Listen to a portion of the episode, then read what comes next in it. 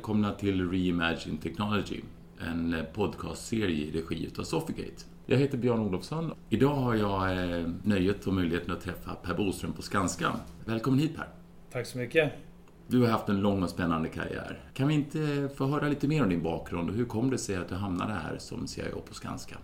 Det är många branscher som jag har passerat igenom. Om man går riktigt långt tillbaka så så började jag väl, som kanske många andra, det började med ett bananskal. Ursprungligen så var ju tanken att bli mattelärare och av olika anledningar så fastnade jag och, och hamnade på systemvetarlinjen. Så det var mitt, mitt första val i livet kan man väl säga. Läkemedelsbranschen var, var och även medtech då, var mina, där ägnade jag mina första 20 år nästan i, i, i branschen och uteslutande så har jag jobbat med IT sedan, sedan första dagen. Då. Och, eh, det är många lärdomar och eh, jag tycker det är spännande att byta branscher. Det finns många bra erfarenheter man har tagit med sig. Sedermera så har jag jobbat i tillverkande industri, detaljhandel och eh, även på försvaret då, där jag spenderade ett par spännande år inom underrättelsetjänsten. Så att det har varit många nyttiga lärdomar och mycket som man kan ta med sig in i,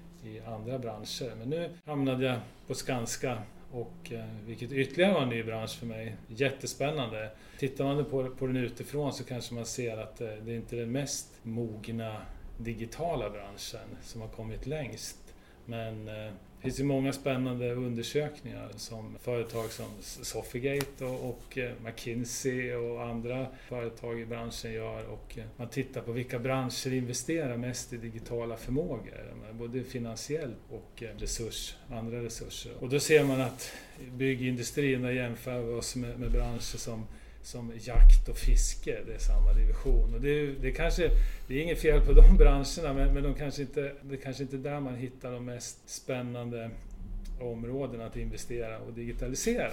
I vår bransch finns det en enorm flora av möjligheter att digitalisera. Så att jag hoppas att, vi, att jag kan bidra, för det var en av de sakerna som lockade mig just till Skanska och, och byggbranschen. Att det finns mycket att göra här, sannerligen. Jag tror alla vi som lyssnar eh, har sett eh, loggan. Kvinnor och män i hjälmar och färgglada västar och sådär. Kan du inte berätta lite grann, vad är det egentligen ni gör?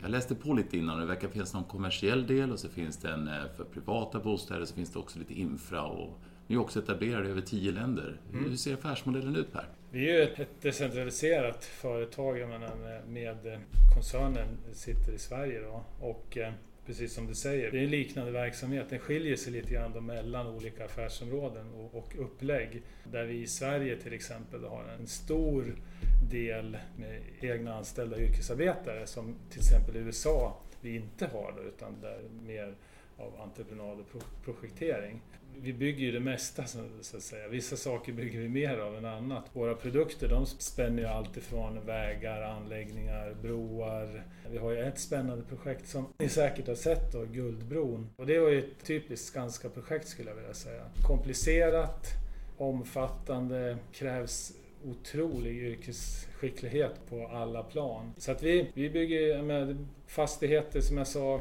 det är både på hus och kommersiella fastigheter och det sker ju en stor utveckling och innovation i, i dagsläget.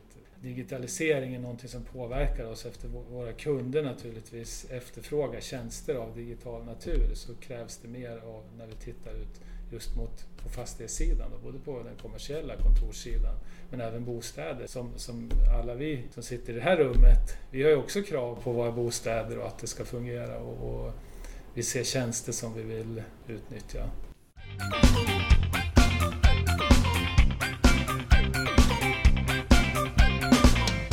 På just teknikbiten utav de här olika projekten i de olika affärsområdena. Jag läste såklart på hemsidan att det finns en, en grön aspekt i allting som i mm. sin tur kan kopplas till teknik såklart. Men vad är det mer som, som händer? Jag tänker ur ett, ett AI-perspektiv och Internet of Things och mm. man kan ju bli helt exalterad när man tänker på allt som går att göra och både såklart i infrastruktur men även då i kommersiellt och privat. Mm. Om man med utgångspunkt från vår digitaliseringsstrategi, den, den är egentligen uppdelad i två stora områden. Varav det ena det adresserar av vår operationella effektivitet och det handlar väldigt mycket om att i vår produktion bli effektivare. Det vill säga att nyttja ny teknologi, automatisera och slipa på våra processer, utnyttja partnerskap. Det, är ju, det handlar mycket om att via digitala hjälpmedel hitta effektivare sätt att producera helt enkelt för att få ner kostnaderna. Vi lever ju, med bolaget i sig lever ju efter devisen att vi vill bidra till att bygga ett bättre samhälle och då, då är det ju ett samhällsansvar att få ner kostnaden för priset på bostäder bland annat och är högt idag och det ligger i allas intresse att vi ska få ner det naturligtvis. Så den ena delen det handlar mycket om att effektivisera produktionen och den andra delen det är ju lite grann den som jag nämnde tidigare runt våra produkter, att digitalisera våra produkter. Så, så hur ska vi ta tillvara på den informationsmängd som vi faktiskt genererar redan idag men samt vad är ytterligare för information som vi ser att vi kan ha ett värde av i framtiden. Så det handlar inte bara om att leverera digitala tjänster till våra kunder och, och även att, att, så att säga, utnyttja informationen i mer kommersiellt syfte utan även att förvalta information och förvalta tjänster för att skapa ett framtida värde. Och idag ska vi säga att vi är mer mogna och har jobbat betydligt och kommit mycket, mycket längre när det gäller att nyttja den moderna teknologin i vår produktion. Vi jobbar ju mycket med logistikflödet till exempel. Det finns ju stora möjligheter att effektivisera. Det är enorma pengar som, som passerar i våra logistikflöden. Det kostar material kostar mycket, jag menar, personal kostar mycket. Det är ju det som, som utgör de största delarna i, i, att bygga bostäder och kontor. Så det är klart att logistiken är en extremt viktig faktor i det här. Sen, sen använder vi mer kanske rolig teknologi om man tittar utifrån som VR, AR-teknologi till exempel för att åskådliggöra och samarbeta runt våra ritningar och, och där vi även testar av så att säga hur förändringar ska slå och så vidare. Vi pratar mycket om det här med digitala tvillingar som är ju superintressant när vi väl kommer i mål med det. Ändringshantering är också något som är väldigt kostsamt i byggbranschen.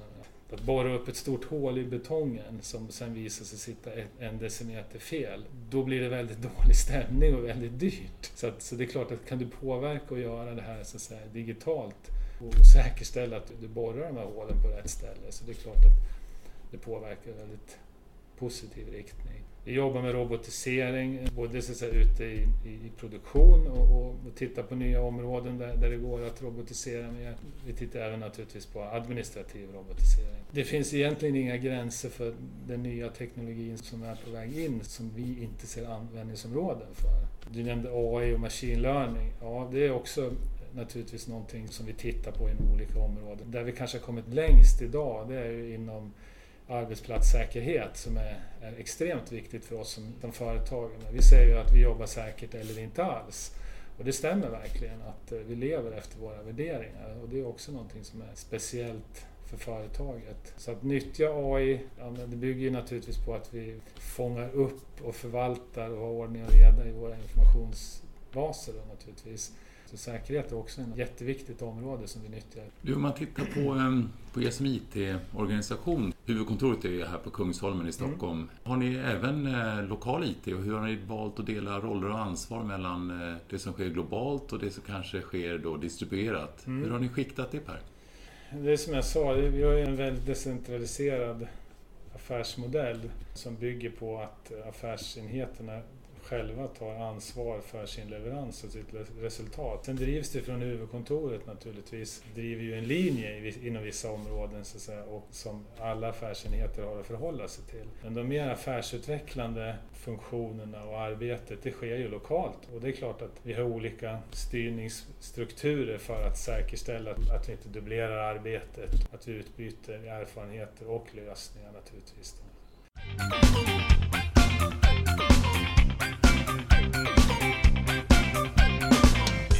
Om vi tittar på din roll som CIO, nu har ju du varit IT-ledare och CIO i lite mm. olika organisationer och kanske förenklat i alla fall kan säga att byggbranschen är lite traditionell, eller har varit, att det finns en oändlig potential att eh, ta med sig lite här erfarenheter hit. Vad tycker du är den stora skillnaden i att vara CIO på Skanska kontra de andra organisationerna du har varit engagerad i? Det är roligare, mer intressant att vara CEO på Skanska än de övriga företagen. Och med, med det ska jag väl säga att det ligger naturligtvis närmast i tiden. Och det jag väger in det är mycket att eh, det, är ett fantastiskt företag med stor kreativitet och stor innovationsförmåga långt, långt ute i verksamheten. Sen kan vi kanske ha en del att lära om att säga på flytta in kanske lite mer av innovationen in på, i våra kontor, bli mer innovativa så att säga, som helhet.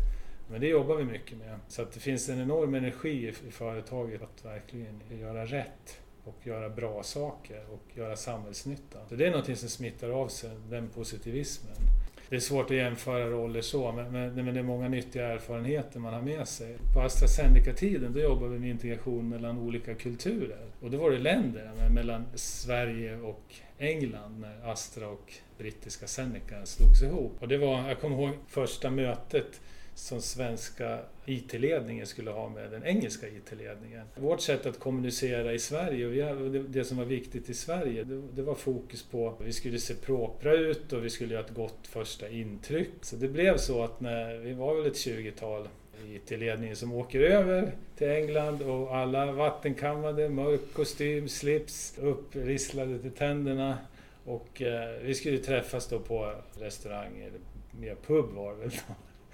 Och när vi kommer in där så sitter hela engelska IT-ledningen där och de sitter ju som de är när de går på pub. Ja, men de hade sina fiskartröjor och lite orakade håret på ända.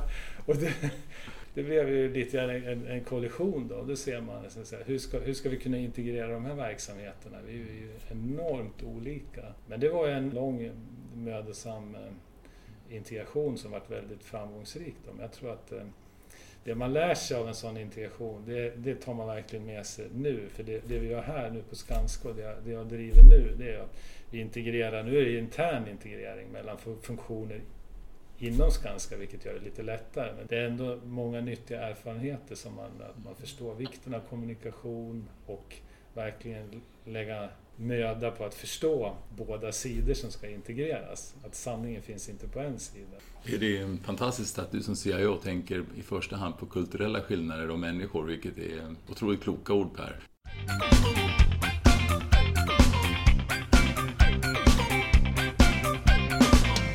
Du har ju varit med i branschen i många, många år nu. Hur ser du på ledarskap?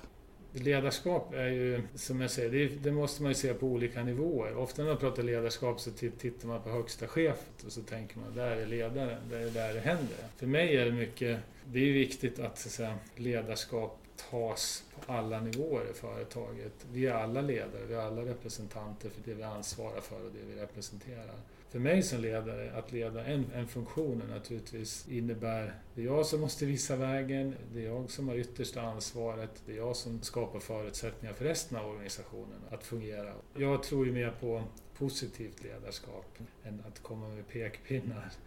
Absolut. Det tror jag också har att göra med hur man är som människa och person. Och det, jag tror aldrig att jag funderar speciellt mycket över mitt eget sätt att leda. Det, det kan man säkert tycka mycket om varifrån man befinner sig. Men, men jag tror att man, man, man, lyckas bäst om man leder på det sätt som känns naturligt för en. Under både uppväxt och lite senare i livet så har jag jobbat mycket inom ungdomsidrott och varit tränare på lägre nivåer, på knatte och, och pojklagsnivå. Och det är ju fantastiskt mycket nyttiga erfarenheter man tar med sig från den världen. Så att säga. Det som kan vara självklart i yrkeslivet och, och så vidare, det, är inte alls så självklart när man kommer ner och jobbar på den nivån. Alltså man förstår verkligen grunderna i ledarskap när man pratar med, med barn och ungdomar. Och jag, jag har själv varit aktiv tidigare länge sedan i och för sig nu. Men, men och, det, och det är också idrottsrörelsen tror jag är en fantastiskt bra skola och man kan hitta väldigt mycket bra sätt att leda och förstå vad, vad bra och mindre bra ledarskap leder till. Det är ju resultat vi vill åstadkomma i slutändan. Mm. Även om vi inte kan sätta ett numeriskt resultat kanske på allt vi gör så, så är det ändå resultat. Hur viktigt är det att ha djup förståelse för det område man leder? Jag tror att det är det. Eh, jag tror att... Eh, det beror, men sen beror det på vad du menar med djup. Pratar vi detaljer eller pratar vi djup förståelse inom området? Det kan man naturligtvis debattera. Men ibland kan man förlora sig i detaljerna om man, om man, om man är för mycket expert på det man gör. Men jag tror ändå att erfarenhet och att du har en, en... Du måste ändå ha en förståelse för det område du verkar inom. Det finns många bra ledare som är mer generellt duktiga ledare. Så men jag tror att det är svårt att kliva över från ett område rakt in i ett annat. Så att säga. För mig underlättar det i varje fall, för jag kan hela tiden gå tillbaks till, till min tidigare erfarenhet och hämta så att säga, svaren och eh, påverkan in, in, i de beslut som man tvingas fatta som ledare. Och det tror jag skulle kännas väldigt svårt att klara sig utan. Eh, det skulle nog vara för mycket magkänsla i de besluten i sådana fall. Och det, det är alltid lite otäckt. Du, får jag syna korten Per? Ja. Hur mycket källkod har du programmerat? Ja, men jag har ju faktiskt programmerat. Det är väl inget som jag kanske är så stolt över, de programmen jag, jag, jag, har gjort. Men det som är lite kul i varje fall, och, och nu är det risk för att börskursen sjunker här på AstraZeneca när jag säger det här. Men vi byggde ju ett, ett stort material och produktionsstyrningssystem som som ju var egentligen hjärtat i hela Astras verksamhet och den svenska delen. Och det systemet, det fanns ju kvar, jag tror att det är nog mindre än tio år sedan man tog bort det där i varje fall. Så att, och det där var jag nog med och, skrev några rader kod för. Så att, så att eh, nu, nu kanske inte påverkar börskursen eftersom de har tagit bort det. så att, men eh, lite kod har jag skrivit. Ja, man kan väl säga att alltså, AstraZeneca har varit en framgångssaga. Jag såg också att börskursen för Skanska eh, hade en väldigt fin dag igår. Så det verkar som att även programmeringen här funkar bra. Ja, men det gör det. Ja, där är naturligtvis inte jag med. Men eh, vi har en fantastisk organisation i, inom IT här på Skanska. Mm. Så att, eh, nu vet jag inte om de direkt påverkade börskursen här i, igår. Men, men på sikt tror jag att vi kommer att göra det med, med det jobb vi har inom digitalisering. Det är jag helt övertygad om.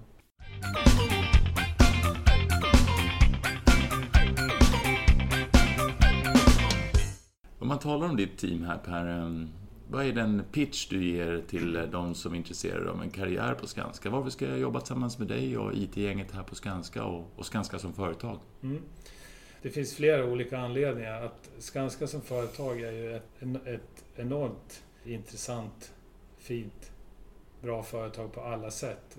Otroligt bra värderingar och är värderingsstyrt in i grunden. Vi vet ju till exempel att om tio år så kommer 70 procent av, av, våra arbetsuppgifter att ha förändrats eller försvunnit till och med. Och då är det lätt att tro att vi kan fortsätta och rida på en framgång och, och, och göra på samma sätt som vi gör idag och fortsätta få framgång. Jag menar, hur kommer det se ut för våra ingenjörer till exempel ute på våra projekt i framtiden? Och det är samma sak för vad gäller hos oss på IT. Menar, vi, vi tänker verkligen framåt för det är en bransch under förändring och eh, där kommer vi inom IT har en hög påverkan. Det är ju helt uppenbart. Men det är inte bara inom byggbranschen utan det sker ju inom samtliga branscher där det digitala pushar så att säga. Det som gör det extra intressant tycker jag då, byggbranschen var lite grann det jag inledde med varför, varför jag valde att komma till, till Skanska. Det är ju möjligheterna inom branschen är jättestora. Enormt mycket spännande möjligheter. Så vill man göra skillnad, vill man vara med och påverka faktiska resultatet i framtiden så är det här ett ett Eh, väldigt bra ställe att, att, vara på. Sen tycker jag naturligtvis att vi som organisation är, också är, vi är välrustade, vi har hög kompetens, vi gör mycket i egen regi, vi jobbar med de mest strategiska partners som finns inom området, eh, med de mest högteknologiska företagen. Vi har löpande samarbete med dem och vi plockar upp så att säga, mycket innovativa förslag och, och idéer utifrån. Så att, eh, ja, men det, det händer verkligen grejer i, i både i branschen som helhet, men, men speciellt skulle jag vilja säga på, på Skanska. Och man kan se framför sig, men många säger så här, men digitalisering, det tåget det har väl gått för länge sedan och vad är ni på det? Vi är med på tåget, till, till, absolut, men vi springer också så att säga framåt i i tågsättet så att säga. Och, och, och, vi, vill, vi vill sitta i loket och det är där vi ska vara. Jag där vill vi vara som företag och där vill vi också vara när det gäller att digitalisera den här branschen. Och så får man vara med och bygga och utforma infra. Man får vara med och bygga kommersiella fastigheter och man får vara med och bidra i privata hem för alla vi som bor här. Absolut. Man får vara med och bygga ett bättre samhälle. Mm. Det är det som är både vis och vårt budskap. Det är inte fy skam. Kanske avslutningsvis Per, har du några råd till andra CIO som kanske dels har varit i sin roll något år men även som är nya i rollen som CIO.